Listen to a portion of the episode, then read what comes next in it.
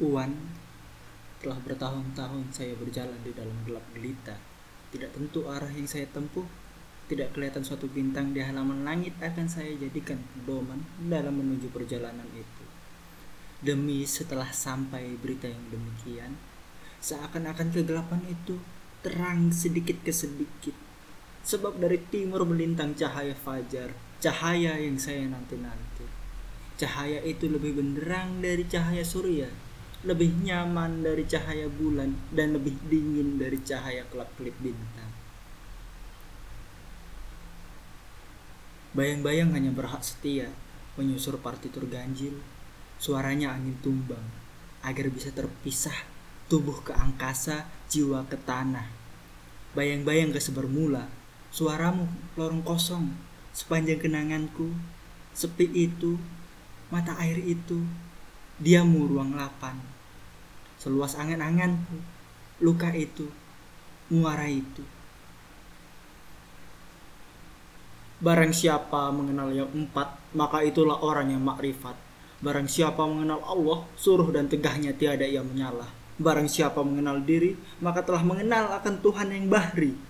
Barang siapa mengenal dunia, tahulah ia barang yang terperdaya. Barang siapa mengenal akhirat, tahulah ia dunia mudorat. Di jantungku, senyuk terdengar debarmu hening di langit-langit tempurung kepalaku, terbit silau cahayamu, dalam intiku kau terbenam. Kita tak akan pernah bertemu. Aku dalam dirimu, tiada pilihan kecuali di situ. Kau terpencil dalam diriku. Kita berdua saja, duduk. Aku memesan ilalang panjang dan bunga rumput. Kau entah memesan apa. Aku memesan batu di tengah sungai terjal yang deras kau entah memesan apa.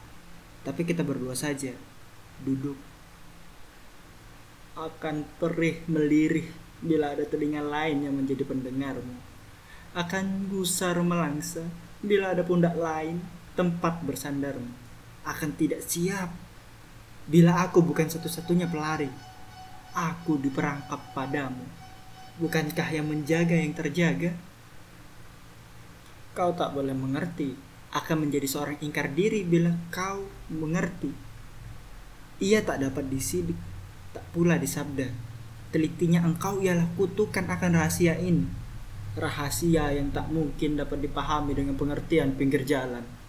Bahwa muara segala kasih adalah kisah.